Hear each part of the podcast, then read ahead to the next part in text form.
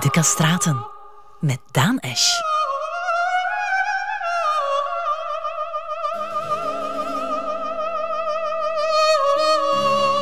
Luister eens, ik ga iets heel bijzonder laten horen. We zijn zo gewoon geraakt aan studioopnames die tot in de perfectie zijn bijgeschaafd, dat het een beetje rauw overkomt wanneer we een van de eerste opnames beluisteren die ooit door de grammofoon zijn vastgelegd.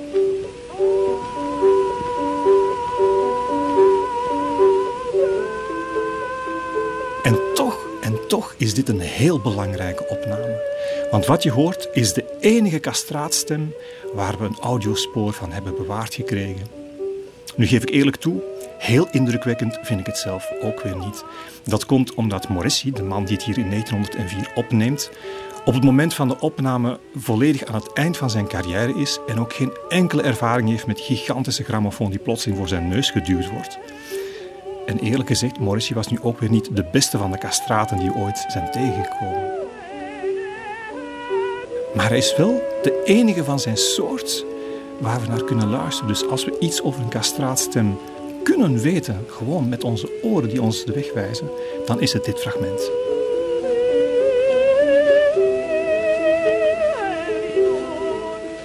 Ik denk dat castraten nog altijd geassocieerd worden met een soort bijzondere zijsprong in de geschiedenis, waardoor een onbelangrijke ingreep mensen tot ongelooflijke vocale pirouetten in staat waren. Die zorgden voor een enorme overdadige appreciatie, zij dat nu in, termen van ovaties of buitensporige gages. En dat niemand eigenlijk goed beseft wat daar de schaduwzijde van was. En dat is een verhaal dat mij bijzonder fascineert.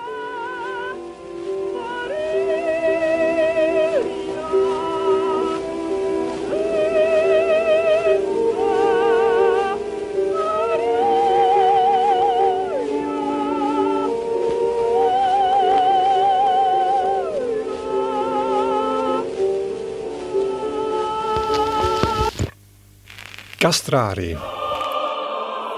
Castorare, het Latijnse woord waar ons castratie van vandaan komt. Uh, dat is een heel grappig woord, want het wil eigenlijk zeggen het doen zoals de bever doet. Het verwijderen van de testikels werd geassocieerd met bevers. En het geestige is, dat is een geloof dat tot in de middeleeuwen volgehouden wordt. Men dacht namelijk dat de bever die nogal uh, redelijk groot uitgevallen testikels heeft, als hij in het nauw zat, zijn testikels afbeet om beter te kunnen vluchten. Ik heb nooit een bever dat zien doen. En ik denk dat ze in de middeleeuwen daar ook zijn achter gekomen en dat daarom dat bijgeloof naar het Rijk der Fabelen is verbannen. Maar we zitten nu eenmaal opgescheept met dat woord castratie. Daar komt het dus vandaan. Nu, waar gaat het om? Het verwijderen van de testikels bij de man. het is een oeroud gebruik um, en eigenlijk had het aanvankelijk als doel om de mannelijkheid weg te nemen, de kracht weg te nemen en ja, alles wat uh, het volwaardige van een man uitmaakt te vernietigen. Dat is een heel um, ingrijpende gebeurtenis uiteraard.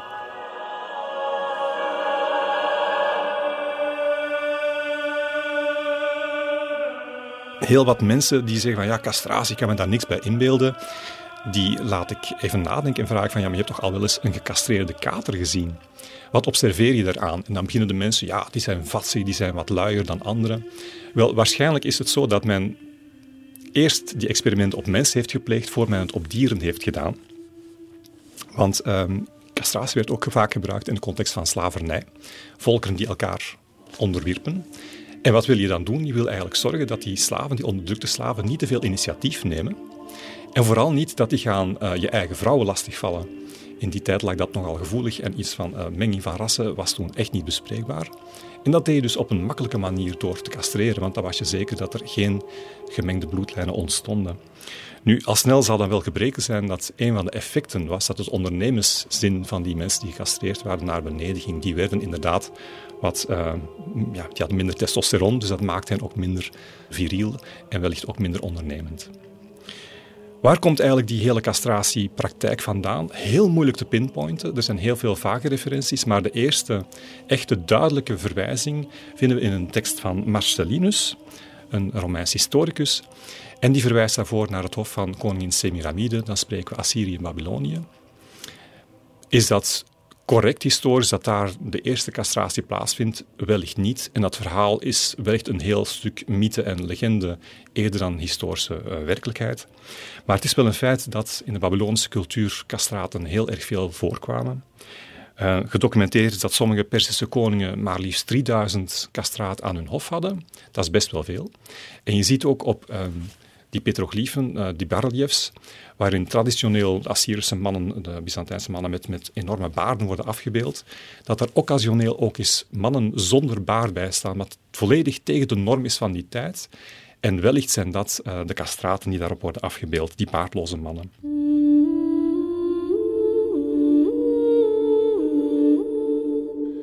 Je ziet dat die castraten, net omdat ze wat minder viriel waren dan anderen en wellicht ook omdat ze geen eigen... Die konden geen kinderen krijgen, uiteraard. Dus het risico op nepotisme was heel erg klein. En daardoor, door die combinatie, verwerven zich ook heel snel vertrouwensposities aan hele hoge functies in die regio. En dat zie je uh, bij Kyros, bij Antiochus de Grote, die wij kennen onder de naam Mithridates, maar ook bij figuren als een Cleopatra, Alexander de Grote, echt wel mensen die tot uh, de verbeelding spreken.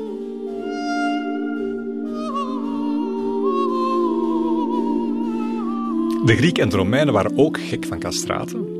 Die verminkten geen mens van hun eigen volk, maar die gingen die importeren. En wat zie je dan? En dat vind ik fenomenaal. Mensen zijn economisch ingesteld en als er ergens een handeltje uit te slagen is, dan doen mensen dat. En wat doen de mensen in uh, Klein-Azië? Zij starten met eunuchenfabriekjes waar min of meer aan de lopende band slaven worden geïmporteerd en als gecastreerde mannen naar buiten gaan en die worden verkocht over de hele wereld de prijs die daarvoor betaald werd, is hoog. En de belasting die erop wordt gegeven, die gaat in de richting van wat Romeinen en Grieken gewend zijn om te betalen voor luxe producten als parfums, als goud en dat soort zaken. Dus een castraat was een product, was een Porsche, was een Jaguar die je kocht om te laten zien dat je het gemaakt had in de wereld. Nu, het uh, bizarre eraan is, in die Romeinse cultuur waar die castraten uh, erg gegeerd worden, lijkt er na verloop van tijd ook een andere functie in hun uh, bestemming in te sluipen. En dat is een seksuele functie. En daar zijn hele bizarre epigrammen over. En ik wil toch heel graag uh, eentje laten horen van Martialis in zijn epigrammen, uh, waar daarna verwezen wordt. Eunuchen vormen almost hele personeel. Helaas, helaas. Hij zelf heeft nooit een stijve. Toch vraagt hij vaak zijn vrouw, geschokt in zijn moreel, waar toch bij haar de baby's blijven. Wel, ik vind het een, een bijzonder vreemd citaat. Want eigenlijk vat dit heel mooi samen hoe Rome in die tijd is. Rome is heel libertijns. Daar wordt helemaal niet moeilijk gedaan over echtbreuk, over pederastie. Je hebt daar mannen en vrouwen die het heel normaal vinden om lustknapen uh, in huis te halen. En dat is een praktijk die op dit moment niet alleen in Rome en in Griekenland gangbaar waren, maar ook in het hele Oosten. Wij kunnen ons dat nu echt heel moeilijk voorstellen. Maar um, het wordt dus ook gebruikt om die jeugd langer te gaan behouden. En Romeinen zijn creatief en ze beginnen te experimenteren en ze merken dat castratie, afhankelijk van het moment waarop je het uitvoert, een ander effect krijgt op de gecastreerde jongeman. Doe je dat voor de stemwissel, dan is de potentie nog niet zo heel erg groot en is het effect van die castratie veel ingrijpender. Wacht je daarmee, dan is die jongeman volledig uitgegroeid en kan je die als lustknaap tot veel betere prestaties krijgen. En ook daar is een satire van Juvenalis die daar heel concreet naar verwijst. Sommige vrouwen scheppen groot behagen in tedere castraten en hun gladde omhelzingen. Bij hen geen last van baard, nog van abortus, maar het liefdespel blijft wel bewaard, omdat die jonge jongens pas als ze volgroeid zijn en behaard worden geopereerd. Hun teeljuwelen zijn zichtbaar opgefokt tot wonderappels, alleer Heliodorus doktersmes ze snoeien gaat, tot nadeel van de kappers. Zo dwingt een meesteres haar lijfdienaar eunuch te zijn, en als hij kort nadien het badhuis ingaat, valt direct te zien dat Priapus ontbreekt. En laat hem dan maar slapen bij je vrouw, vriend Postumus, maar geef hem niet de kans een van je stoere, nog ongeschoren slaven te beroeren. Dat is verschrikkelijk dubieus, hè? Wat eigenlijk die Romeinen doen, is ze wachten tot die jongens seksueel rijp zijn. En dan gaan ze testikels verwijderen. Met als enige functie te voorkomen dat vrouwen bij de paring nog zwanger kunnen worden. Dus je krijgt eigenlijk een soort uh, 100% afdoende uh, pil of, of uh, geboortecontrole. En dat ziet alleen maar in de interesse van die vrouwen die zich zo vrijelijk uh, kunnen laten omringen en vrijelijk van allerlei pleziertjes kunnen genieten, zonder daarbij veel na te denken over hoe die mannen dan verder moeten met hun leven. Nu, het, uh, wat helemaal dubieus wordt, is hoe die knapen daar zelf mee omspringen. Want je zou denken van dat laat je toch niet voor je plezier doen. Maar er zijn blijkbaar jongens die daar specifiek die operatie laten doen met als enige doel om in die kringen van die hooggeplaatste vrouwen uh, in de gunst te komen. Want dat was natuurlijk iets, uh, je, daar gingen deuren voor je open als je niet van de juiste stand was. Uh, je werd een speelobject, maar je kreeg natuurlijk ook tal van beloningen en gunsten. Dus dat is een soort, ja, een sociaal beroep dat daaruit ontstaat en waar ook wel wat voordelen aan te plukken waren. Als castraat nam je wel een risico als je de ingreep overwoog. Want de positie van castraten werd heel erg bepaald door wat die keizer in kwestie op dat moment aan de macht was van castratie vond. En sommige mensen waren daar ongelooflijk hard tegen, zoals Julius Caesar, die vond dat echt niks. Maar Tiberius en Caligula, die waren pro-castraten. En Nero, ja, Nero is wel een keizer waar een vijs los aan zit, dat weten we allemaal. Maar die is ooit zo ver gegaan dat hij in het huwelijkspoortje is getreden met een castraat, Sporus. Ehm, naar zeggen van de historici, omdat hij hem aan zijn echtgenote of een dood echtgenote deed denken. En ja, effectief, bij castratie gebeurt een aantal dingen, daar kom ik straks nog wel op terug. Maar het feit dat je geen mannelijke hormoonproductie had, maakte dat die wezens ook iets androgyns hadden. En dat moet Nero zeer bekoord hebben.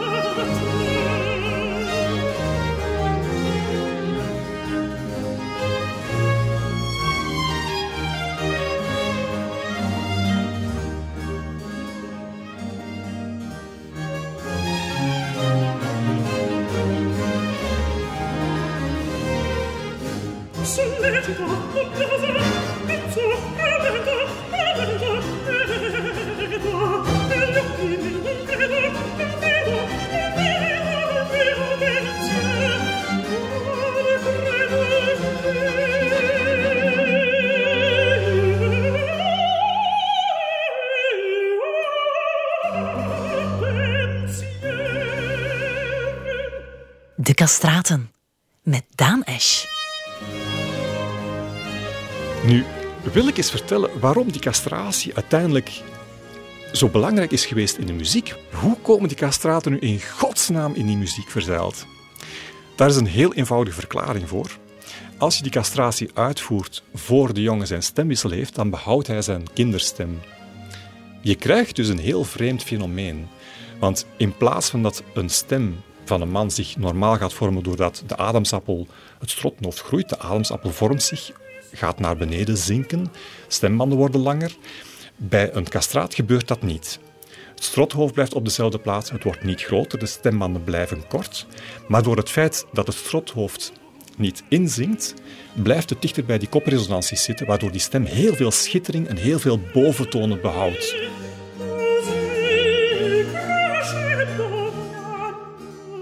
Nu, aan de andere kant, het feit dat je een castratie uitvoert, betekent dat je, en dan moet ik misschien de heren waarschuwen, nu ga ik even heel uh, technisch worden en dat kan heel pijnlijk zijn, dus misschien even een theetje halen. Ik leg het wel even voor de dames uit. Castratie betekent dat je een slipje maakt in de lies, je verwijdert daar de testikels en de zaadleiders bij. Wat er dan gebeurt is, het lichaam krijgt niet meer het signaal van wanneer is het voldoende om te groeien, wanneer moet ik eigenlijk stoppen.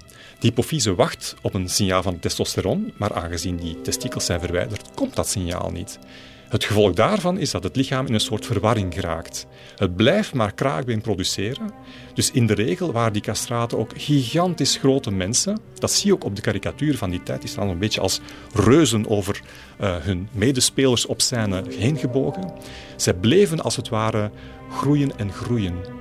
En voor mij is dat al een eerste effect van waarom die stemmen van castraten zo fascinerend waren. Niet alleen omdat zij hoog waren, maar ook, u moet zich dat inbeelden, je krijgt in feite de snaren van een viool die gestemd worden op een instrument dat groter en groter wordt, zoals een cello. Dus je krijgt die snaren van een viool op een cello gespannen. Die castraten hadden enorme borstkast, omdat dat kraakbeen gewoon bleef doorgroeien. Dus dat klonk. Een klankkast, dat moet iets fenomenaal geweest zijn. En dat wordt ook altijd gezegd, dat die stemmen niet alleen hoog en uh, bijzonder technisch gevormd waren, maar enorm krachtig en penetrant. En dat blies mensen letterlijk en figuurlijk van hun sokken. Nu dat had ook wel wat um, bijeffecten. Op heel veel van die afbeeldingen zie je dat castraten er beginnen uit te zien als monsters. Dat lichaam is totaal in disbalans. Dus ja, die armen en die benen die, uh, bleven ook maar doorgroeien. Vaak niet in proportie. Uh, veel van die castraten hadden ook last van osteoporose. Ja, wat wil je? Dat lichaam bleef maar groeien. Dus het gewicht van die benenstructuur werd gewoon veel uh, te hoog en het kraakbeengehalte was ook veel te hoog. Dus het was absoluut niet gezond. Dat was een van de vele nadelen van castraat zijn. Het voordeel was wellicht dat die stem een heel bijzonder cachet kreeg.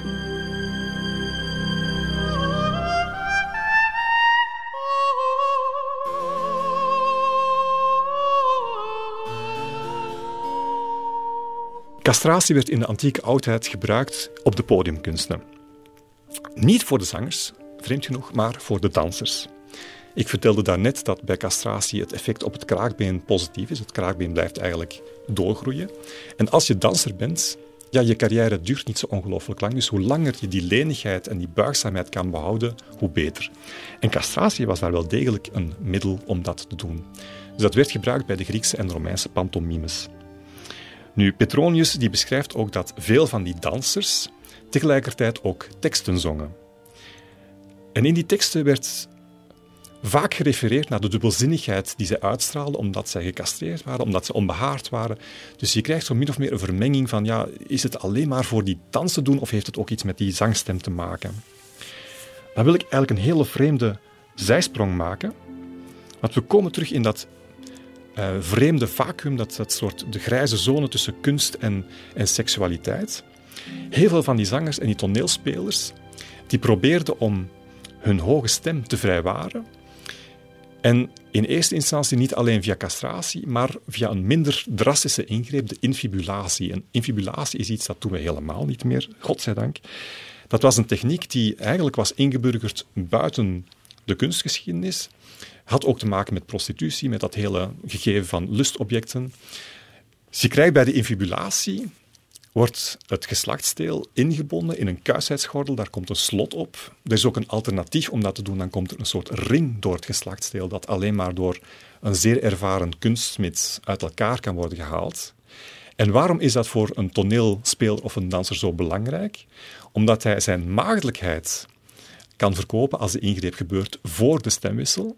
En degene die daar veel geld voor wilde neertellen, kreeg het recht op de eerste nacht. Dat was een pleziertje dat in Rome, Rome en Rome was bekend om zijn decadentie, ongelooflijk hoog werd ingeschat. En daar kon je dus heel veel geld mee verdienen. En je krijgt dus een hele markt, een heel handeltje in jongens die hun maagdelijkheid gaan verkopen aan rijkere leden uit het publiek.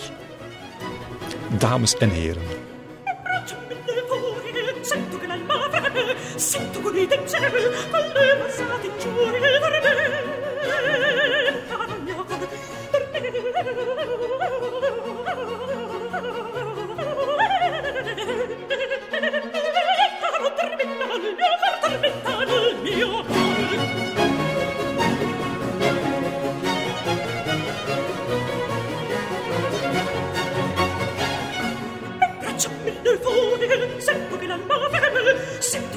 unite insieme con me passate in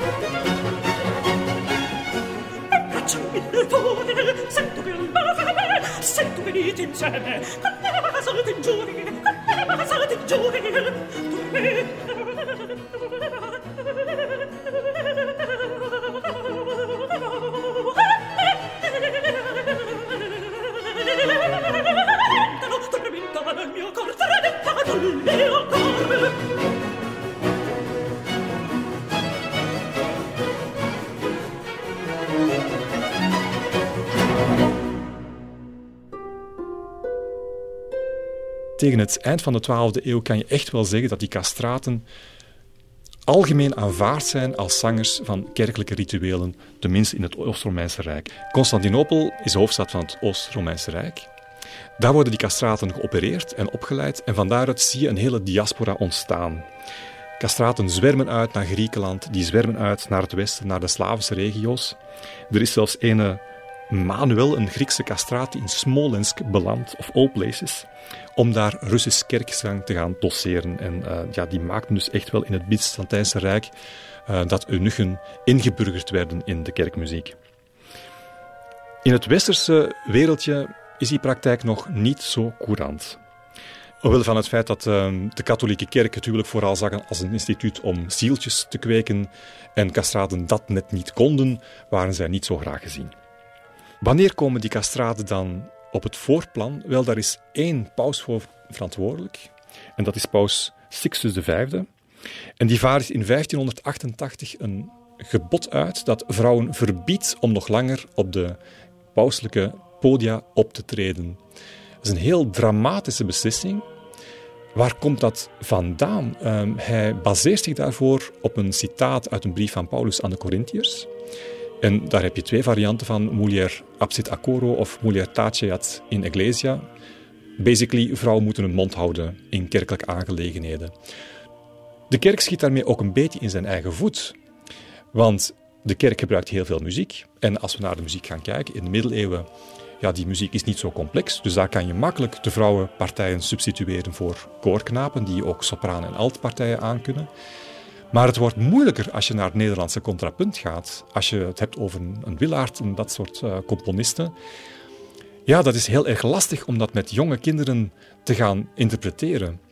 En vaak zien we dat ja, die kinderen worden klaargestoomd om dat hele moeilijke contrapunt aan te leren, om dat technisch uh, te kunnen brengen. En het moment dat ze dat een beetje onder de knie beginnen te krijgen, krijgen ze de baard in de keel en kan je helemaal op voren, uh, vanaf vooraan beginnen. Dus ja, dat was niet zo evident en dat schept heel wat problemen voor de kantorij van Paus Sylvester, voor de Scuola Cantorum in Rome en de Sixtijnse kapel.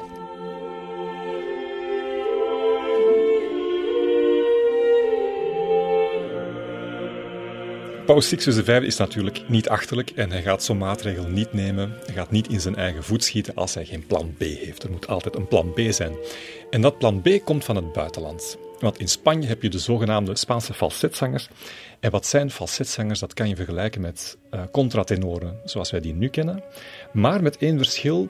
Er wordt heel expliciet gezegd dat die zang van die falsetzangers iets heel bijzonder moet geweest zijn. Ze hadden een bijzondere techniek, waardoor hun stemmen veel zachter klonken dan die van contratenoren. En het unieke eraan is dat hun stemtessituur, hun bereik, veel hoger lag.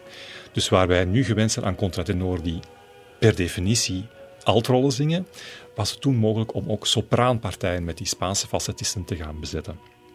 Ze hadden dus een heel sterke techniek, zongen heel mooi, grote kwaliteit. En dat was natuurlijk veel dankbaarder om te gaan inzetten dan koorknaapjes die hele jonge stemmen hadden, die ook technisch nog niet zo begaafd waren.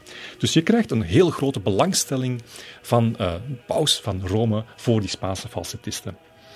Nu, voor een groot deel is het niet echt duidelijk of dat nu puur falsettisten waren, of die effectief nooit het castraatmes hebben gezien, of dat er een soort vermenging aan de gang was.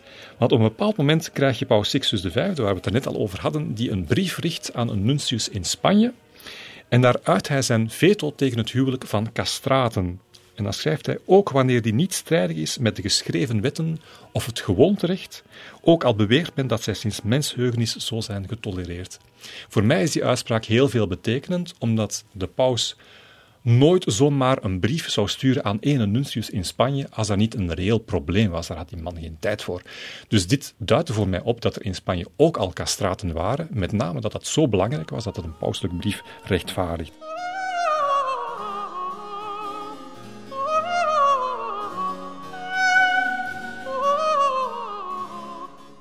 Rome staat heel erg ambigu tegenover die castraten. Langs de ene kant is het zo dat castratie uh, verboden is bij wet. Daar staat de doodstraf op. Maar nog veel erger in die tijd is dat je er ook voor kan geëxcommuniceerd worden. En dan word je als het ware uit de maatschappij gezet, wat in die tijd een ongelooflijk zware straf was.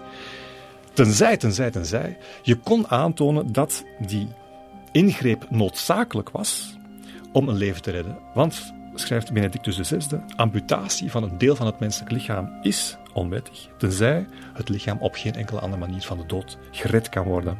En dat is een excuus dat heel vaak wordt aangegrepen om te zeggen van ja, we weten het wel dat het niet mag, maar in dit geval, er was echt geen andere mouw aan te passen.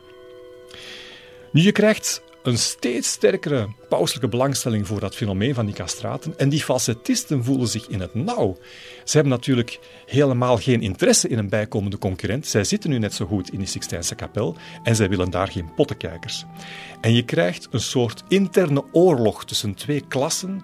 Aan de ene kant de Spaanse falsettisten die hun eigen postjes proberen veilig te stellen, en een Romeinse klan en ja, wat zit daar achter van belangen? Ik vermoed dat daar toch een aantal mensen zijn die castraten heel erg positief gezind waren. Waarschijnlijk waren er ook een aantal castraten van Italiaanse bodem, zodat zij hun eigen mens wat proberen te beschermen. Het is heel erg moeilijk om daar de vinger op te leggen. In elk geval levert die discussie een paar pareltjes op, een pareltjes van uh, Pietro della Valle, waaruit we kunnen afleiden wat het verschil is tussen die twee stemmen. Want dat wordt in die citaten heel erg duidelijk beschreven. Pietro della Valle gaat echt de kwaliteiten van de castraten gebruiken om te zeggen van, maar je wilt toch geen falsetzangers in de Sixtijnse kapel, dat is toch echt kiezen voor slechte kwaliteit. U vergelijkt de falsettisten van vroeger graag met de sopranen die vandaag zo in zwang zijn. Maar wie heeft ooit zo mooi gezongen als een Loreto, een Gregorio, een Angeluccio, een, een Marcantonio en vele anderen? Het komt er eigenlijk op neer dat Pietro della Valle zegt: er zijn twee soorten zangers. De falsettisten, waar u zich geen enkele naam nog van herinnert, en de castraten, waar wij toch wel ongelooflijke helden in hebben geproduceerd. En dat is het argument waarmee eigenlijk de falsettisten de mond wil snoeren.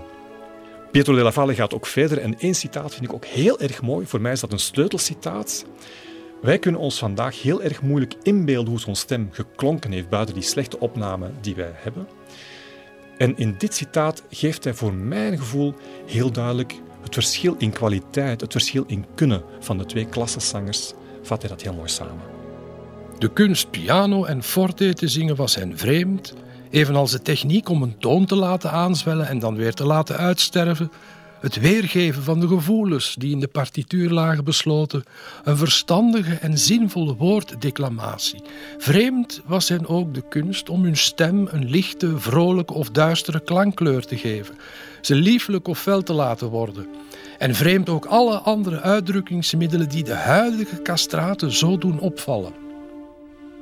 Wat er ook van zij, er komt steeds meer verwarring tussen de falsettisten en de castraten. Het heeft ermee te maken dat falsettisten normale mannen zijn die gewoon in een kopstemregister zingen, die dus ook normaal kunnen fungeren, functioneren als man, als echtgenoot, terwijl aan castraten toch een aantal vooroordelen en taboes kleefden. Het leidde ertoe dat heel veel castraten zich uitgaven als falsettist, omdat het sociaal wat makkelijker werkte. Maar omgekeerd, als je een hele goede falsettist was, mocht je beweren wat je wou, dan vermoeden mensen van ja, maar waarschijnlijk is dat toch wel een castraat die erover zwijgt. Het is met andere woorden zo'n boeltje dat op den duur, denk ik, die hele discussie ook niet meer verzaken doet van ben je nu een, falsettist of ben je nu een castraat. Nu, tegen het midden van de 16e eeuw wordt het monopolie van die falsettisten in de Sixtijnse kapel progressief ondermijnd. Eh, je hebt daar Paulus IV die in 1555 een verbod uitvaardigt. Er mogen geen gehuwde zangers meer in de kapel baf. En voor die falsettisten, omdat zij normale mannen waren, is dat natuurlijk wel een enorm nadeel. Het betekent natuurlijk dat je nog steeds als falsettist aan de bak kan komen als je nog niet getrouwd bent. Dus het is voorlopig nog mogelijk om die instroom vanuit Spaans falsettisten te krijgen. Maar het baant wel de weg vrij voor castraten, want die zijn door hun verminking niet in staat om kinderen te krijgen.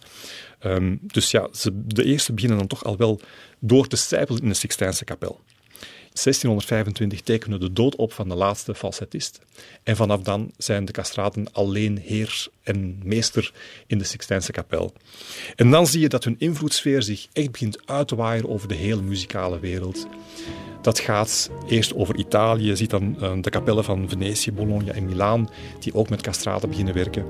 Maar het hek is van de dam. Het wordt ook in het buitenland een rage. Je ziet het in Wenen gebeuren, in Duitsland, Dresden, München en zo verder. Warschau, Parijs, Londen, Lissabon en Madrid.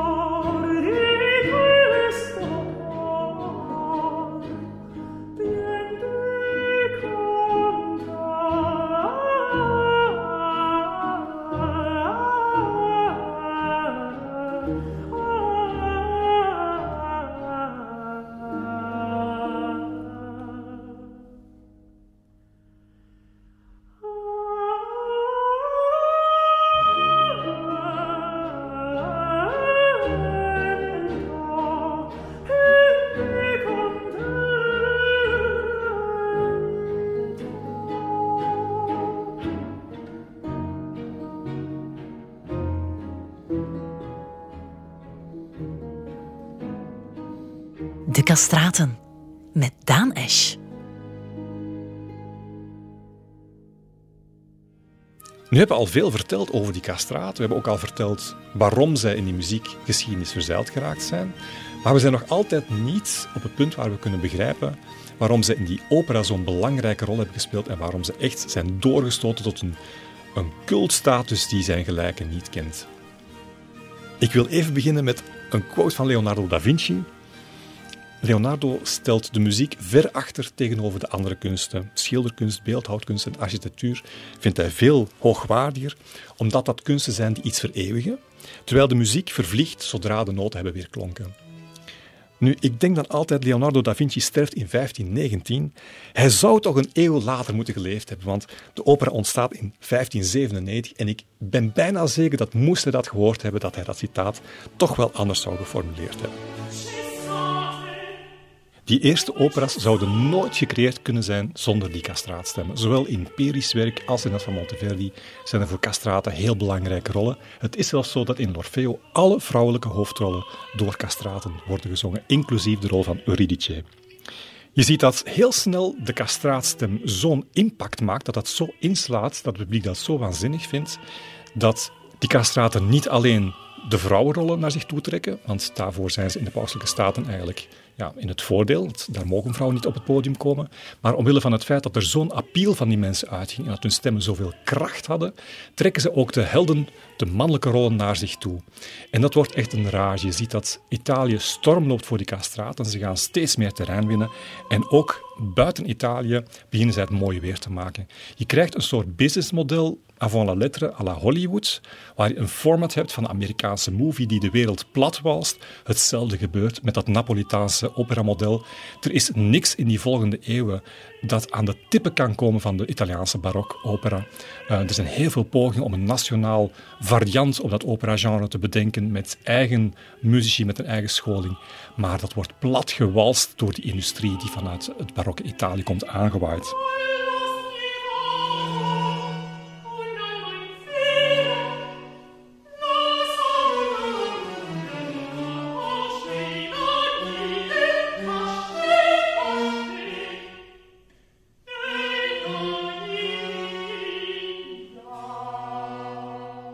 De enige geluidsopname die we hebben is uh, van veel later datum, maar van die vroege barok zangers hebben geen enkele documentatie. En ik vind dat zo frustrerend, omdat ik zeker weet dat die stemmen niet vergelijkbaar zijn met de stemmen van vrouwelijke alt- of sopranen en ook niet met contratenoren, want dat zijn kopstemmen. Het ging echt over mensen die een volledige klankkast, een volledige resonantieruimtes gebruikten. We weten niet hoe dat klinkt. Wat ik wel weet, ik heb jarenlang gewerkt als dramaturg voor de operas in Antwerpen en in Brussel. Heel veel opzoeking gedaan en heel veel gelezen over receptie, hoe mensen schrijven over opera's die zij beluisteren. En je vindt altijd heel positieve bewoordingen, maar wat mensen schrijven over castraatstemmen, dat grenst aan het hysterische. En telkens krijg ik het gevoel van hier moet iets zo bijzonders zijn geweest. Dat heeft die mensen zo in hun hart geraakt. Het is bijna een levensveranderende beschrijving als je dat zo ervaart. Ik heb er een paar citaten van die misschien nog niet die diepgang weergeven, maar die wel aantonen dat een castraatstem heel anders is dan wat wij gewend zijn van operazangers van nu. Het eerste citaat is van Charles de Bros. En de bottomline daar is dat castraatstemmen heel bijzonder zijn en dat je er eigenlijk een stukje aan moet wennen. Het is niet zoiets wat je van de eerste keer mooi lijkt te vinden. Men moet aan een castraatstem gewoon zijn om ervan te kunnen genieten. Hun timbre is helder en penetrant als dat van koorknapen, maar veel krachtiger. Ze lijken een octaaf boven de natuurlijke vrouwenstem te zingen. Hun stem heeft altijd iets droogs en scherps, geheel verschillend van de jeugdige zachtheid van een vrouwenstem, maar zij is schitterend, licht, vol vuur, erg luid en heeft een enorm bereik dat is onzin. Ik bedoel, een normaal, zij zongen niet hoger dan een normale stem. Maar het geeft wel die indruk. En er moet iets geweest zijn in die klank. Iets dat een briljantie had, dat suggereerde dat zij meer konden dan een vrouwenstem. Hoe je dat technisch moet verklaren, dat weet ik niet. Ik denk dat het een beetje hetzelfde is als je een, een Wagner-tenor, een heldentenor vergelijkt met een, een lichte tenor, een barokke tenor. Ja, ook al zingen zij dezelfde noot, dat gaat voor die Wagner-tenor heel anders klinken. Dat lijkt psychologisch lager, omdat die stem rijker is.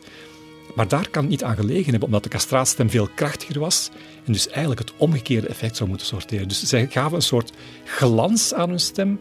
Had dat te maken met het feit dat die stembanden veel hoger lagen, omwille van het feit dat die ademsappel niet naar beneden zakte? Had dat te maken met het feit dat die veel gespierder waren, veel, veel meer kracht konden zetten op die stem?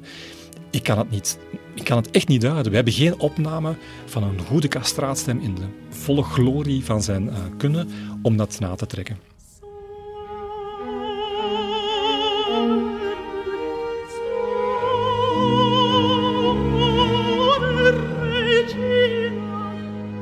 Voor de film Farinelli hebben ze geprobeerd om twee stemtypes te mixen, technisch. Daar is een sopraanstem boven de stem van een contratenor gelegd en die zijn door de wonderen van de techniek tot een nieuwe stem gefuseerd. Ik vind dat een steriele poging, omdat je, je vertrekt van twee keer het verkeerde materiaal. Het lijkt me een beetje als een dodo willen reconstrueren door een kip met een kalkoen te kruisen. Ja, je legt twee genen bij elkaar die niks te maken met, hebben met het oorspronkelijke beestje. En bij castraten was het net het feit dat zij die kinderstemmen uh, behielden, of de stembanden van hun jeugd behielden, maar die konden laten aansterken door die adolescentie heen, door hun volwassenheid heen. En daar een klanklast onderbouwen die wij, ja, niet meer kunnen simuleren. Dus je kan ook niet met technische hulpmiddelen gaan proberen om dat te gaan faken. Je hebt geen aanknopingspunt, er is geen enkel vergelijk.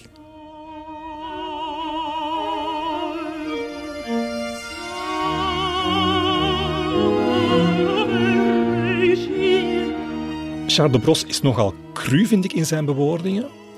Um, heeft een heel andere manier om naar te gaan kijken en die heeft een veel meer lyrische benadering. En dat vind ik zo fascinerend, omdat het meer in de buurt komt van de doorsnee-citaten die je vindt over castraten. Daar voel je al die bewondering van die man en bijna dat dwepen met een schoonheid die daar geëtaleerd wordt, die voor mensen vernieuwend was en verrassend en een echt van hun stoel trok. En hij schrijft: Hun stemmen klinken zo zoet als vrouwenstemmen en toch zijn ze veel sterker. Zo'n castraatstem dringt met een felle en liefelijke klank doorheen de begeleiding, verheft zich boven de andere instrumenten met een bekoorlijkheid die je moeilijk kan beschrijven. Je moet ze gehoord hebben. Hun stemmen klinken als die van nachtegalen. Heel veel wijzer word je daar niet uit. Maar je krijgt wel het gevoel van, ja, de zang van nachtegalen, daar heb ik wel emotioneel uh, kan ik mij daar iets bij voorstellen. En er wordt ook heel duidelijk het verschil gemaakt van ja, je hebt vrouwenstemmen en dan heb je die castraatstem. En het is toch wel een klasse, een lia apart.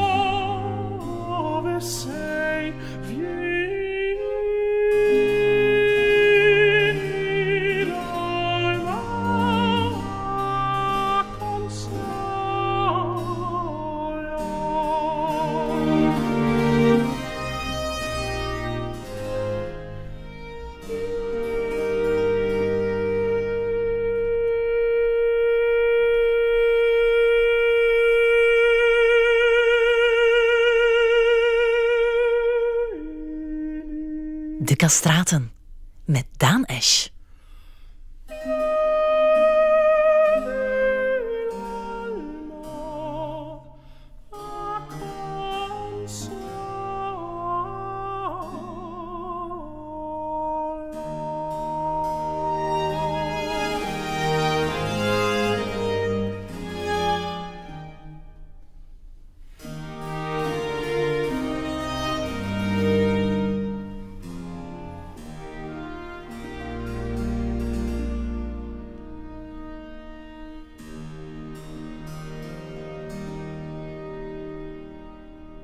Wat betekende dat nu om als castraat door het leven te gaan? Hoe zag je leven er dan uit?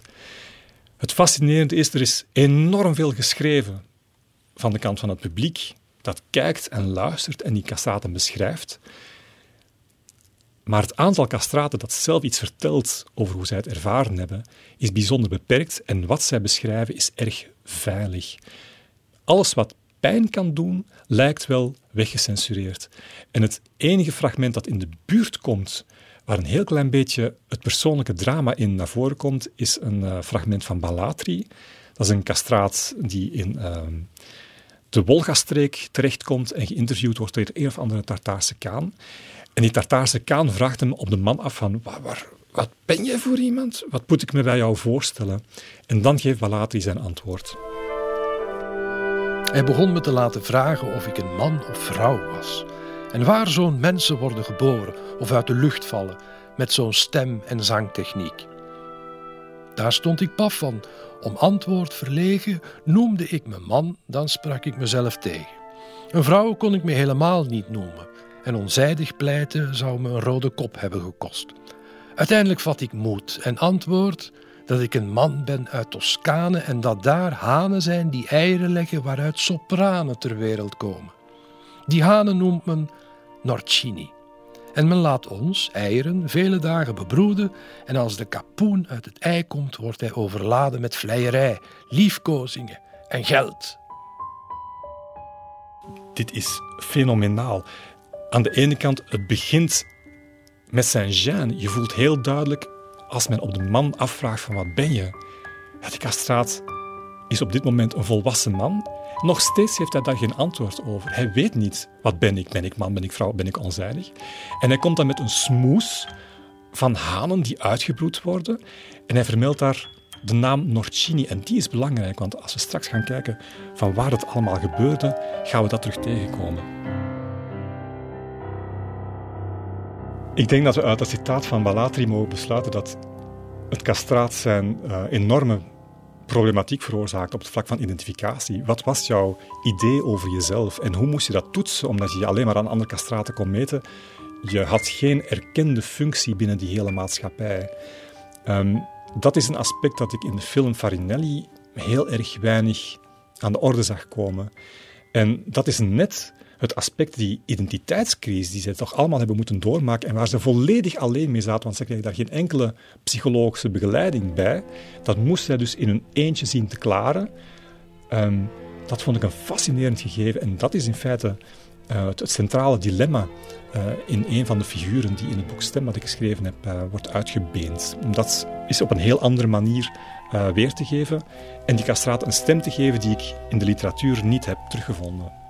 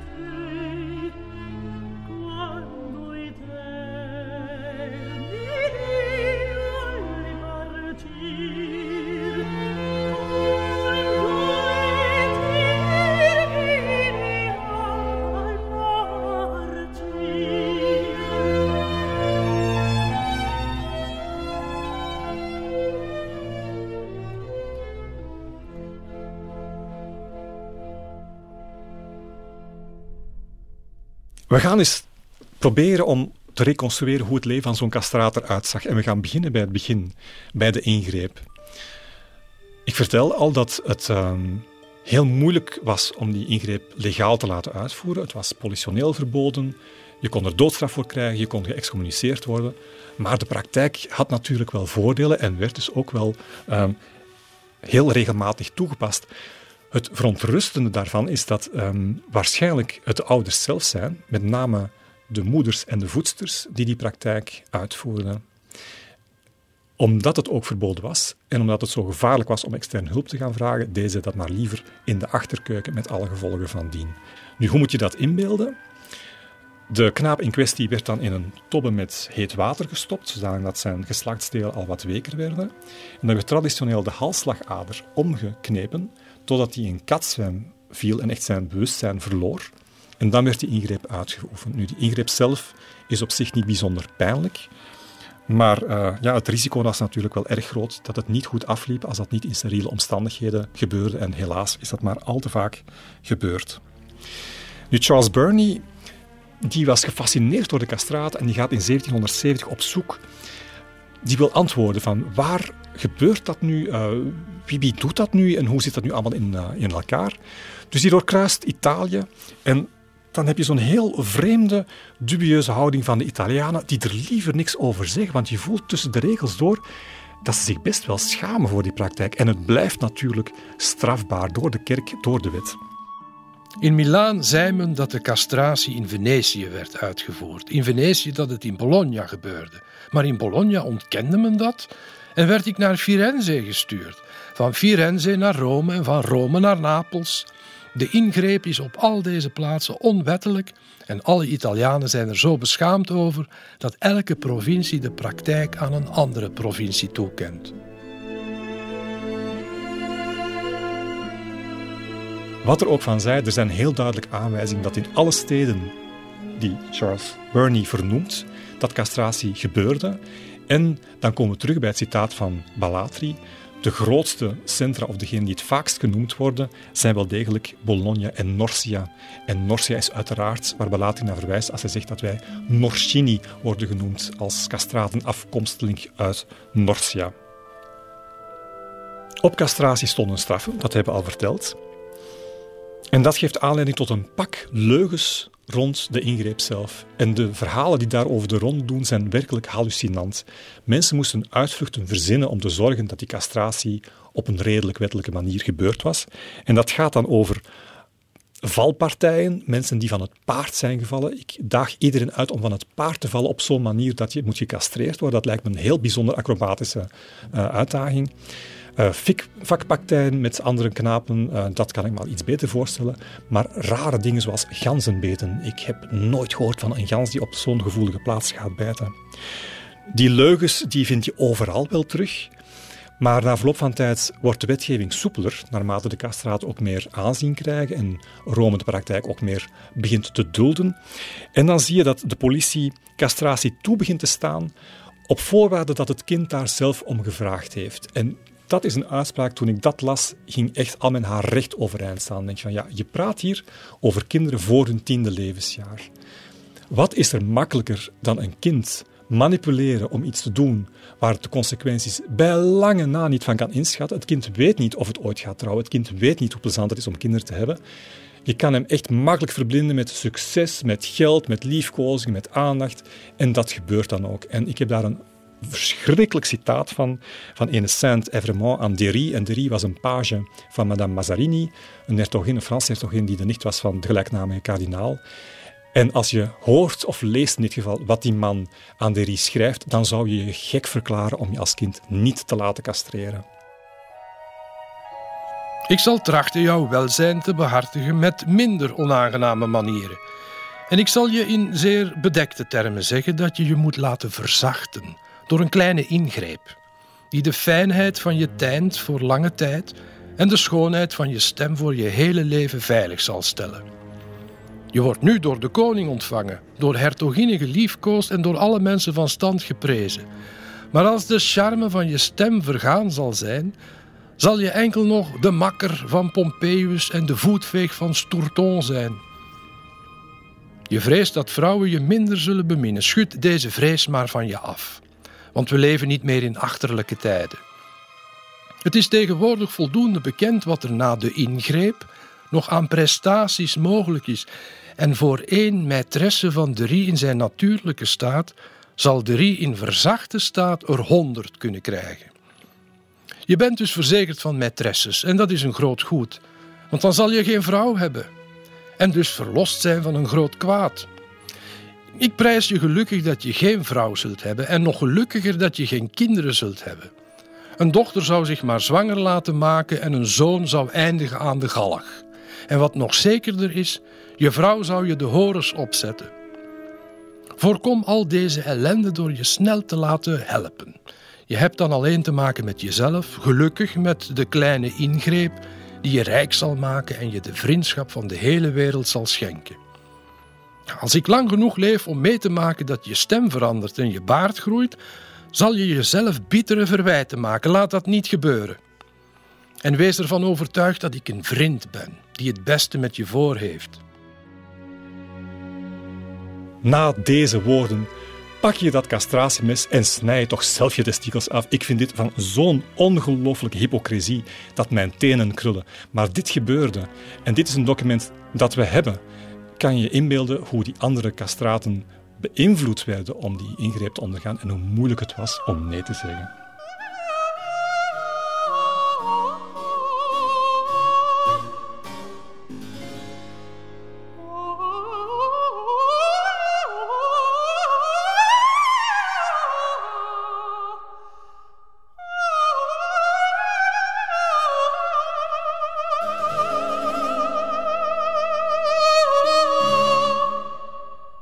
Was gecastreerd, er was geen weg terug. De ingreep is gebeurd, die bladzijde hebben we omgedraaid. Het wordt tijd om aan de opleiding te beginnen en daarvoor ging je naar een conservatorium. Ehm, de conservatoria van Bologna en Napels genoten een ongelooflijke faam. In Napels waren er zelfs een heel aantal waar je ziet dat het ene na het, na het andere conservatorium ontstaat en de docenten ook van het ene naar het andere beginnen te lopen, wellicht op zoek naar een betere gage. Charles Burney, dezelfde die die zoektocht organiseert naar hoe zit het nu precies met die castraten? Die geeft een beschrijving van het Sant Onofrio a Capuana Conservatorium. En die beschrijving op zich is hallucinant. Hij schrijft dat de jongens twee uur voor zonsopgang uit hun bed werden gezet en dat ze oefenden tot maar liefst acht uur s'avonds. Zij werden in lokaaltjes geduwd. In één kamer zaten zo'n veertig jongens, 4-0, verschillende stukken door elkaar te spelen, op evenveel clavecimbals. In een andere kamer gebeurde hetzelfde met de cello's, in een andere met de houtblazers. En de kopers, daar hadden ze geen uh, plaats meer voor, die zaten allemaal in de traphal. Dat moet daar een door elkaar getoeter en geblaas geweest zijn, dat horen en zien vergaan. En Charles Burney schrijft daar heel terecht bij dat hij dat gebrek aan infrastructuur verantwoordelijk acht voor de stijlloosheid van die uitvoering van die kinderen. Die hadden geen mogelijkheid om te leren luisteren naar de muziek die zij maakten. Frasering, klankvorming, dat was allemaal niet belangrijk. Je moest voornamelijk luid spelen, want anders verstond je gewoonweg niet wat je zelf aan het spelen was. Ik vond dat een afschuwelijke passage, omdat ik me dan inbeeld van je zal daar maar als gevoelig kind, want veel van die muzikanten mogen toch wel een zekere gevoeligheid uh, gehad hebben, hoop ik dan maar, in zo'n omgeving zitten en non-stop met dat overmatig volume en die chaos van verschillende partijen door elkaar uh, overladen worden. En dat is een van de sleutelpassages in het begin van mijn boek. Daar heb ik een passage waar Arcangelo, de jonge knaap die gecastreerd is en dat zelf niet weet en die die ingreep ook verdringt, in zo'n conservatorium terechtkomt, eilend nog van de ingreep, want hij heeft koorts, de infectie is nog niet helemaal weg.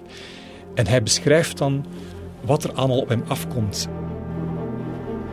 Het gebouw schettert en krijst van alle kanten op hem af.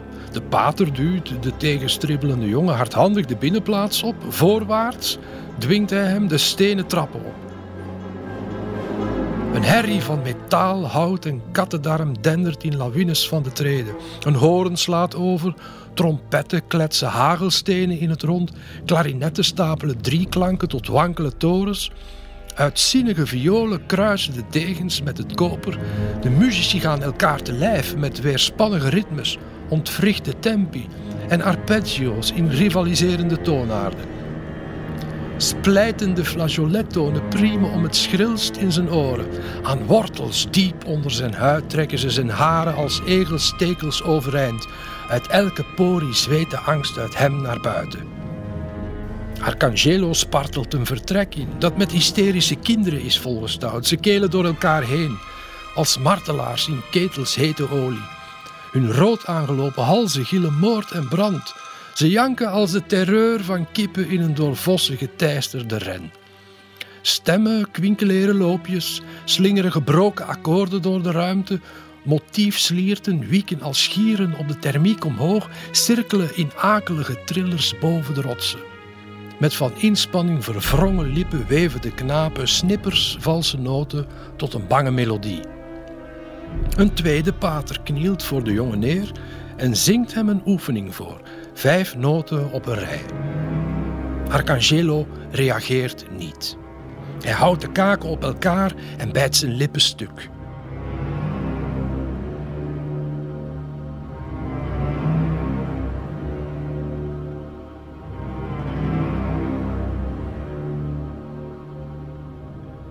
Het lijkt me duidelijk dat zo'n conservatorium geen aangename plek was. En zeker niet voor iemand die muzikaal begaafd was, waar harmonie heel belangrijk was. Dus ik beeld me in dat voor kinderen die daar voor het eerst in belanden, dat dat op zich al een bijna traumatische ervaring moet geweest zijn. Nu was het zo slecht voor die castraten wel. De eerlijkheid gebiedt mij om te zeggen dat zij op andere instrumentalisten een uh, heel streepje voor hadden. In het San Onofria Conservatorium is het namelijk zo dat castraten een eigen etage hadden. Daar waren 16 castraten die sliepen apart in een verdieping die zowaar verwarmd werd, omdat uiteraard zij gebruiken hun stem en een stem mag niet verkouden worden, want dan kan je helemaal niet meer zingen. Maar het gaat zelfs nog verder, want in Santa Maria de Loreto krijgen castraten als enige, bij wijze van uitzondering, extra dik ondergoed, zodanig dat ze ook in de winter beter beschermd zijn. Ze krijgen ook vanaf 1763 een steviger ontbijt, met, hou je vast, niet alleen een extra broodrantsoen, maar de ongelooflijke luxe van krachtvoedsel in de vorm van bouillon, kippen en eieren. En dat is waar die andere instrumentalisten wel naar kunnen fluiten. Het heeft ook een schaduwzijde. De schaduwzijde bestaat erin, en dan verwijs ik naar heel wat mensen die misschien op internaat zijn geweest. Je zit in een situatie waar kinderen opgesloten zijn. Conservatoria waren vereelde gevangenissen toen, dat moeten we eerlijk toegeven. En waar ze min of meer op elkaar zijn aangewezen. Als er iets vreder is dan kinderen in de puberteit, dan mag je het mij komen vertellen. Maar ik ga ervan uit dat in die context iedereen die ook maar een beetje anders was, en dat waren castraten om heel wat redenen, doodgepest werd. En dat is niet zomaar een veronderstelling. Want als je gaat kijken in de logboeken van die conservatoria, in de archieven, dan zie je dat het wel eens gebeurt dat een instrumentist buiten gekegeld wordt omdat hij geen discipline heeft, omdat hij er niks van bakt. Maar die liepen echt wel zelden weg. Ik denk dat velen van hen ook wel begrepen dat zij een talent hadden dat hen geld kon opbrengen en dat het in hun eigen belang was om dit te doen, beter dan een of ander jobje waar je net zo weinig of nog veel minder mee verdiende en waar de omstandigheden wat moeilijker waren. Nu, bij castraten is dat anders. Er staat met regelmaat van de klok een entry in van die uh, archieven waar staat Unuco tale qual se ne sfuggito castraat zus en zo is weggelopen. En voor mij geeft dat een indicatie van het feit dat die opleiding mentaal zo zwaar was dat veel van die kinderen daar gewoon onderdoor gingen. En wat is er daar dan mee gebeurd? Ja, daar hebben we geen enkele indicatie van. Daar is niks in annalen of geschiedschrijving wat daarover gaat. En dat is ook een van de drama's die in mijn boek uh, belicht worden.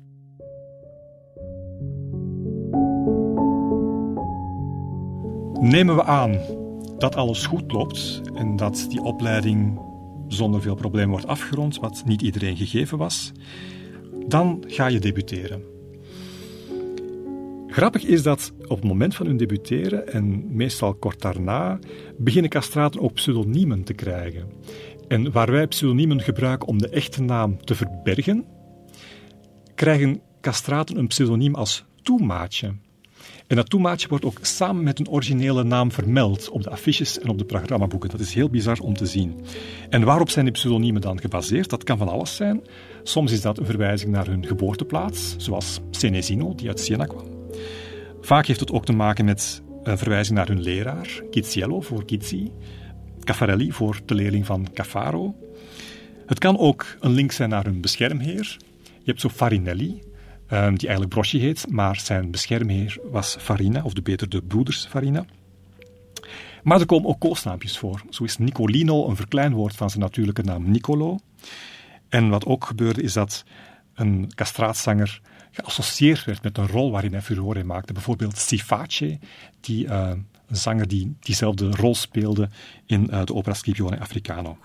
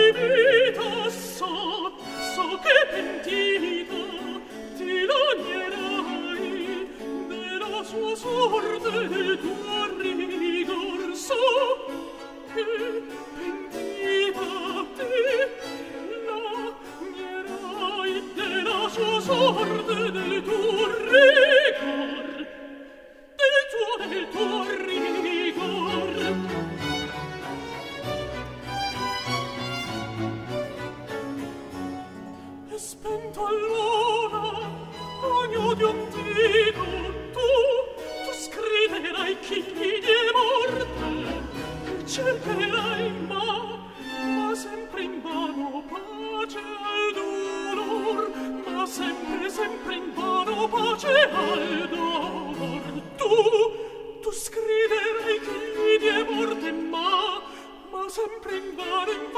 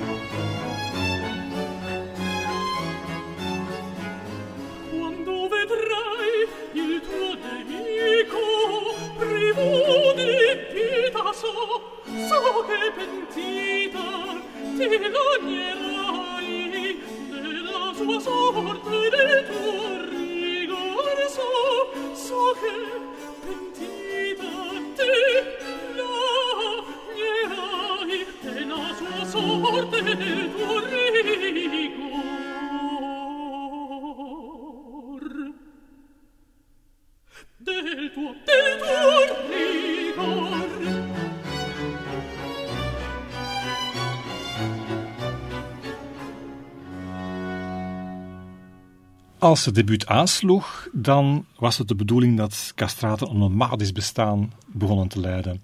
Met een beetje geluk kregen ze een jaarcontract of een seizoenscontract aan een opera. Maar de operaseizoenen waren eigenlijk vrij kort. Dat liep van december tot begin van de vaste tijd. Er waren ook opera's die een voorseizoen en een naseizoen hadden, meestal van begin september tot eind november. En soms ook wel van paas tot half juni. Maar je moet het zo inbeelden, het publiek wou en eiste nieuwe stemmen, telkens vers per seizoen. Dus langer dan één seizoen hield je dat doorgaans ook niet vol. Dus het was zaak om zo snel mogelijk een grote naam te maken en dan als de bliksem te zien dat je een contract kon verzilveren aan een van de hoven. Want daar kon je toetreden als musico of virtuoso da camera en dan had je echt wel een aanstelling met een gegarandeerd salaris waar je ook een aantal jaren op een rij een stabiel inkomen kon genieten. Er zijn heel veel beroemde mecenas uit die tijd Onder meer de koningin Christina uit Zweden, die na haar troons afstand of eerder gedwongen abdicatie in ballingschap leefde in Rome. En daar zijn bijzonder spannende verhalen, want ze heeft daar een aardsvijandin, een aardsrivaal, de hertogin van Savoie. En hun nationale sport bestaat erin om elkaars artiesten af te snoepen. Dus daar werd echt wel uh, bijzonder veel gekonkelvoest in de wandelgangen. Nu, je had ook de hertogen van Parma en Modena, je hebt er een heel aantal. Maar ook buiten Italië mogen we niet vergeten, Duitsland was een enorme afnemer van castraten. Je had daar de graven van Württemberg, de keurvorsten van de Pfalz en Beieren, maar ook Frederik de Grote in Berlijn. En dan had je niet te vergeten Mannheim met het orkest van Stamitz, John Belly in Stuttgart en de fabuleuze Hasse in Dresden. Hasse die ook ongelooflijk veel boeiend materiaal voor opera heeft geschreven.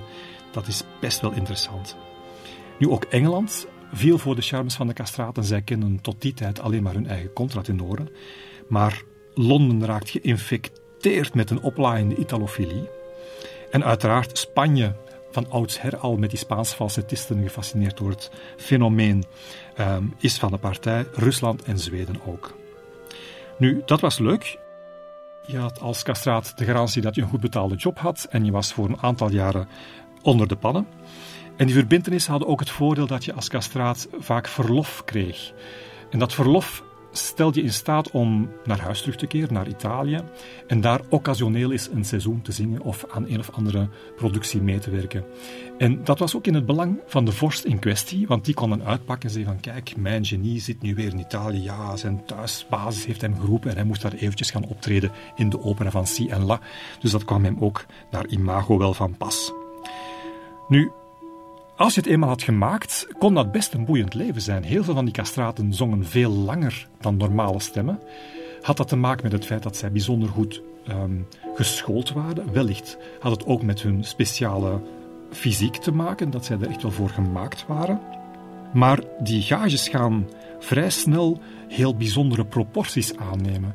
En zo is het geval bekend van een castraat die de bijnaam Centoventi krijgt, 120, omdat die man op één avond maar liefst 120 sekini bij elkaar had gezongen. En dat moet in die tijd een fenomenaal bedrag geweest zijn. 120 sekini voor een muzikus. Het was ongehoord. Dat waren topvoetballersgages. Maar wat zien we dan gebeuren? Een inflatie op het vlak van castraten. 1740, Caffarelli krijgt bovenop zijn gage, die ondertussen al 800 sekini is, nog eens een winstpercentage van 700 sekini daarbovenop. En Pacchierotti, een paar jaar later, krijgt als basis 1000 sekini. We vertrekken van 120 op een paar jaar tijd. Dus dat geeft die rage van het publiek mee en dat geeft ook het effect mee op de, de welstand van de castraten. Het dan ook niet toevallig dat heel veel castraten hun leven eindigen in luxueuze villa's uh, die uh, eigenlijk qua uiterlijk niet onderdoen voor de villa's die de adel neerzet.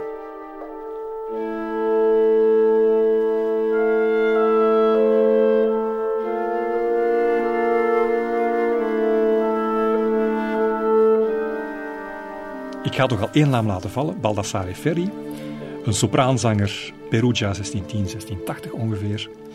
En dat is de eerste castraat met iets van een Europese status. Je mag hem de eerste jetsetter avant la lettre noemen. Zijn bijnaam ligt er ook niet om, Phoenix der zwanen en der zangers. Die jongen die uh, wordt ontdekt in het kerkkoor van Orvieto, wordt onmiddellijk naar Rome gestuurd, waar hij bij kapelmeester Ugolini les volgt. Daarna gaat hij naar Napels en hij krijgt een eerste benoeming aan het hof van prins Ladislav IV in Warschau. Daar gaat hij 30 jaar lang blijven. Nu, hij krijgt bijzonder veel verlof, want die man snapt ook wel van hoe meer ik hem verlof geef, hoe meer mijn ster ook internationaal gaat reizen dankzij de zijne. En hij treedt dus bijvoorbeeld 14 dagen op in Zweden op verzoek van de toen nog in functie zijnde koningin Christina. In 1643 krijgen we de eerste file die ooit is opgetekend in de wereldgeschiedenis, want dan reist hij naar Venetië voor het huwelijk van zijn broodheer met Maria Luisa van Mantua. En dat zorgt voor een volkstoeloop waarbij in de annalen staat dat het volk werkelijk de koets blokkeert. En daar blijft het niet bij, want de koets waarin Ferry zit wordt onder de bloemen bedolven. Ja, dat zijn van die zaken die ik mij dan bij de Beatles of zo zou voorstellen, maar helaas, de eer is aan Ferry te beurt gevallen in 1600 en een klets. Nu, dan wordt het uh, wat heet onder de voeten van Ferry in Warschau, want er breekt een oorlog uit tussen Polen en Zweden. En dan verlaat hij het Poolse Hof en ruilt dat voor het Weense. Daar maakt hij zowel op Ferdinand III als Leopold I indruk. Leopold I laat bijvoorbeeld een portret van hem maken, waarin de zanger niet alleen getooid wordt met laurierkransen, maar het krijgt ook een titel, Re dei Musici. En voor een vorst je als muzikaalist, als zanger, de naam koning toedicht, daar moet je toch wel wat voor in je mars hebben. En dat hij dat had, dat, dat koninklijk lof niet iets persoonlijk was, maar dat het wel gedragen werd door een heel brede laag in de bevolking, dat uh, kan ik staven door een aantal quotes. En de mooiste vind ik wel die van Boccaccio. En die verwijst in zijn lofrede op Ferry letterlijk naar de openingszinnen van uh, La Musica in L'Orfeo van Monteverdi, die we toch eigenlijk wel de eerste grotere opera mogen noemen, waarin La Musica eigenlijk Orfeo bezingt. En die woorden komen min of meer letterlijk terug in de manier waarop Boccaccio Ferry aanprijst.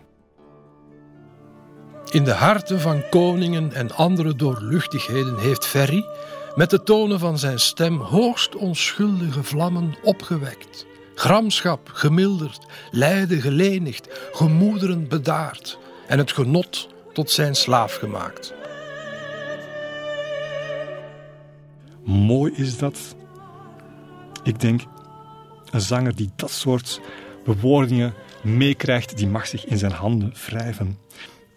Boccaccio maakt eigenlijk een heel kunstige verwijzing naar um, de superlatieven waarmee La Musica in het begin van uh, l'Orfeo de muzikus Orpheus beschrijft als een soort god onder de zangers. Um, dat maakt het natuurlijk wel erg lastig aan de ene kant, omdat je een mens gaat idealiseren en tot een soort mythologische proportie gaat uitvergroten. Maar het genot tot zijn slaaf maken vind ik een heel. Ah, daar word ik weer heel ongemakkelijk van. Want dan krijg je zoiets, een verschuiving van de verantwoordelijkheid voor het genot wordt eigenlijk naar die kunstenaar toegeschoven en dat, dat, uh, ja, dat voelt niet lekker.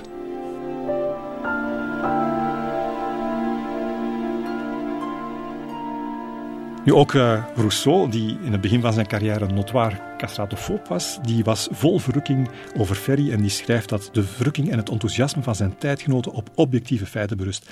En hij gaat zelfs zo ver, hij noemt Ferry een unieke en wonderbare zanger die alle monarchen elkaar probeerden af te snoepen en die na zijn dood door alle muzen in Italië gevierd werd. Ik kan me daar niks bij inbeelden wat het betekent om na je dood door alle muzen in Italië gevierd te worden, maar Rousseau kon dat blijkbaar wel.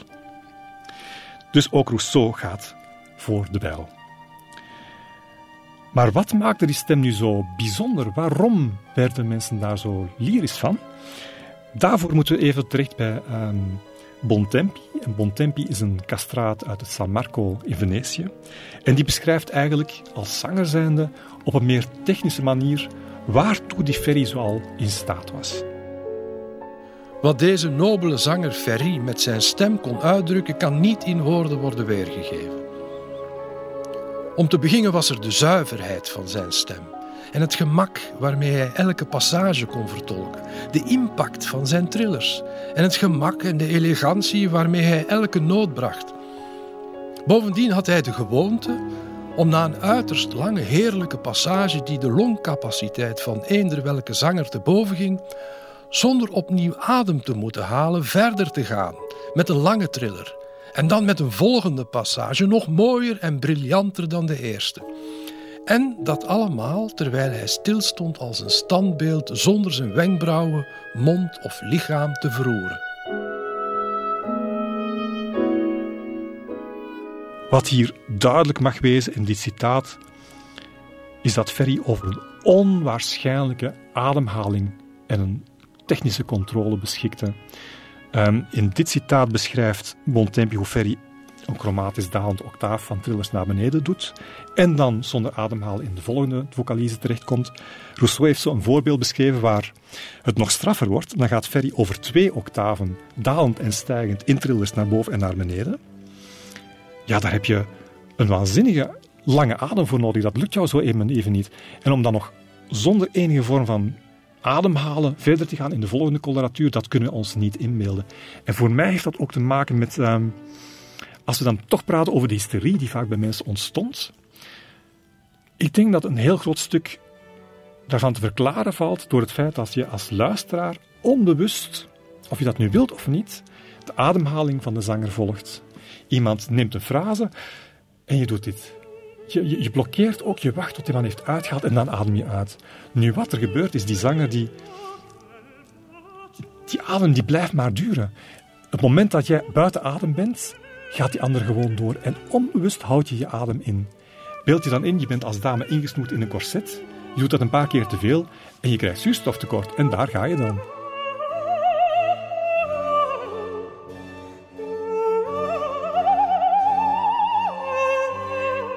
En volgens mij is dat een puur fysiologische reden waarom mensen letterlijk in katzwijn vielen bij het horen van die castraten. Gewoon omdat zij veel langer zongen en dat je gewoon letterlijk en figuurlijk vergat dat je zelf ook nog even moest aan, ademhalen, los van uh, de stem van de castraat. En daar kan ik dan dat citaat van uh, de vorige heel goed in volgen, dat zij het genot tot hun slaaf maakten. Niet alleen dat, ze maakten de ademhaling, ze maakten de fysieke luisteraar tot hun slaaf, omdat ze eigenlijk dwongen in die ademhaling mee te gaan en ook in een roes te geraken.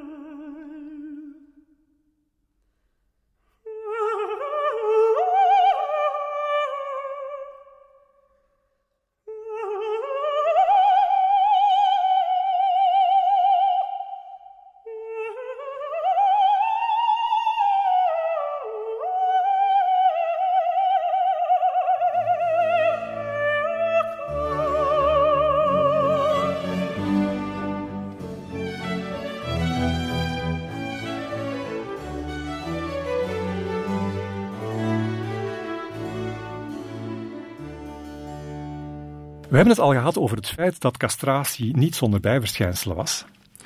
Een van de minder leuke bijverschijnselen was het fenomeen van de gynecomastie, een heel ingewikkeld woord. Uh, en het volgende woord gaat niet veel verduidelijken: de hypertrofie van de borst. Waar komt dat op neer?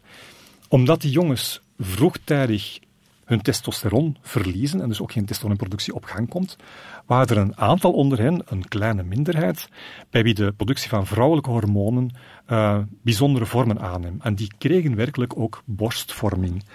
Dat had natuurlijk wel tot het gevolg dat zij daaraan geloofwaardigheid wonnen in de rollen die zij moesten spelen als uh, vervangers voor vrouwen. Dus je krijgt een progressieve vervaging van de categorie man en vrouw gewoon door dat medische fenomeen. En daar zijn een paar heel mooie citaten voor. En eentje vind ik heel bijzonder, omdat het een citaat is van Goethe, die dat tot een soort kunstvorm gaat verheerlijken. Ik heb nagedacht over de redenen waarom deze castraten in travestierollen me zoveel bevallen. En ik denk dat ik er nu achter ben gekomen. In deze voorstellingen wordt men zich sterker bewust van het concept van imitatie en kunst. En door hun kundige vertolking scheppen ze een soort bewuste illusie. Zo verschaffen ze een dubbel genot. In die zin dat deze personages geen vrouwen zijn, maar hen enkel uitbeelden. De jonge mannen hebben de essentie van het zwakke geslacht in wezen en gedrag bestudeerd. Zij kennen die door en door en reproduceren die als kunstenaar. Zij beelden niet zichzelf uit, maar een natuur die hen volledig vreemd is. Ik vind dat een prachtig citaat, omdat het eigenlijk de praktijk van de castraten linkt naar de wortels van het Pekingtheater, waar ook vrouwelijke rollen door mannen werden gebracht. Of kabuki, de Japanse theatervorm, waar ook mannen rollen spelen die voor vrouwen bedoeld waren, of mannen tenminste, um, vrouwenrollen speelden. Het heeft iets van een artificieelheid en een travestiegebeuren avant la lettre. Um, een heel verwarrend geheel, wat dan blijkbaar toch een groot effect op het publiek sorteerde. En het wordt wel heel erg vreemd, want Charles de Bros beschrijft ook letterlijk dat er mannelijke sopranen zijn met lippen, billen, armen, borsten en kinnen zo rond en mollig als die van een vrouw. En Casanova in 1762 is in extase over een castraat die in het Romeinse Alberti-theater zong. En daarover schrijft hij het volgende. In zijn corset had hij de taille van een nimf en zijn borsten waren, wonderlijk genoeg, in vorm en schoonheid aan die van een vrouw gelijk. Uit nieuwsgierigheid werd je tot die borst aangetrokken en een onuitsprekelijke charme overweldigde je, zodat je hals over kop verliefd was voor je er erg in had. Om de verleiding te weerstaan of haar niet te voelen, zou je zo koud en nuchter moeten zijn als een Duitser. Uit de woorden van een vrouwengek als Casanova is die bekoring voor castraten, die in wezen toch wel mannen waren, wel heel erg vreemd.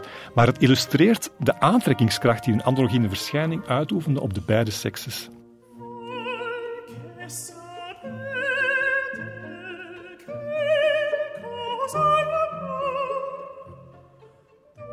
Het uh, hoeft geen verwondering te wekken dat we met hysterie te maken krijgen. Uh, niet alleen bij mannen, maar ook bij vrouwen. En dat neemt echt heel bizarre proporties aan. Ik heb zelf een communicatieachtergrond. Ik vind het ook altijd heel erg leuk als ik aanknopingspunten vind met de geschiedenis van mijn vak. En ik heb altijd gedacht van merchandising, ja, dat is iets toch wel van de 20e eeuw. Niks is minder waar. Ook daar zijn de castraten voor verantwoordelijk. Want uh, in de hysterie rond Marchesi was het voor de Weense hofdames niet ongebruikelijk om zijn amuletten, zijn medaillons te dragen op hun borst, aan hun armen, maar zelfs om die in hun schoenen te naaien. En over Crescentini zijn ook prachtige verhalen verteld. En daar wil ik graag Madame Vignier-Lebrun even aan het woord laten. En die schrijft: Hij stak Marchesi, die door alle Romeinse vrouwen werd verafgoed, nog voorbij. Na zijn laatste optreden vertelde ze hem hoezeer zijn vertrek hen speet. Er waren er velen die bittere tranen huilden, zodat de toeschouwers er nog een spektakel bovenop kregen theater bovenop theater. Nu, het feit dat vrouwen zo gek waren op die castraten, dan zijn we weer helemaal terug in de tijd van de Romeinen. Want castraten waren, in tegenstelling tot wat heel veel mensen denken, best wel tot seks in staat.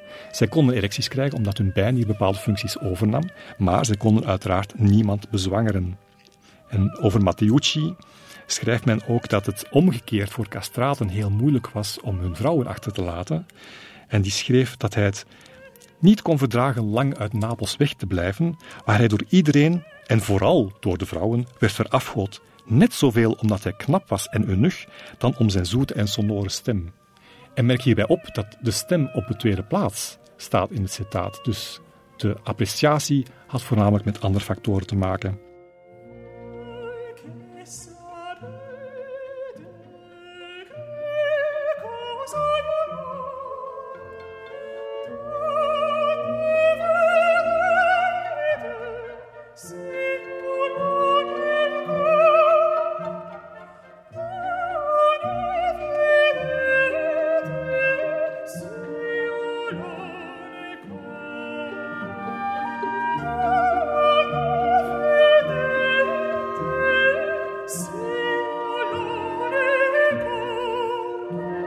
De Castraten met Daan Esch.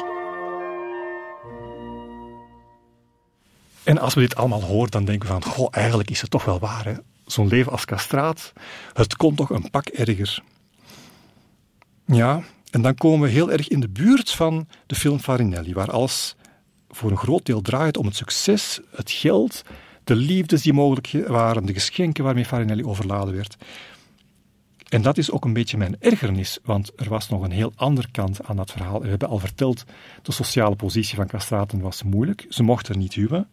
Maar het gaat nog verder dan dat, want niets in Italië was zo verachtelijk als een castraat die niet kan zingen. Kort samengevat, castraten werden getolereerd omdat ze goed konden zingen. En alleen als ze goed konden zingen. En gecastreerde jongelui die geen talent ontwikkelden, en dat was helaas de overgrote meerderheid, die waren gedoemd tot sociale uitsluiting.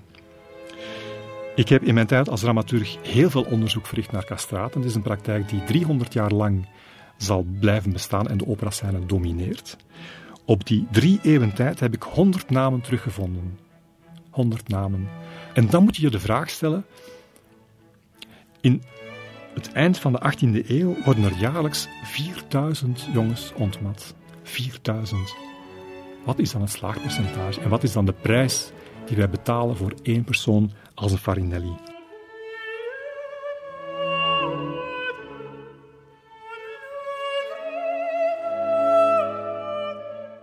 En dan wil ik besluiten met een citaat van Tosi, dat mij zo onder mijn huid gekropen is dat het ervoor gezorgd heeft dat ik twintig jaar lang geïnvesteerd heb om een boek te gaan schrijven van 700 pagina's. En zonder dit ene citaat had ik dat niet eens overwogen.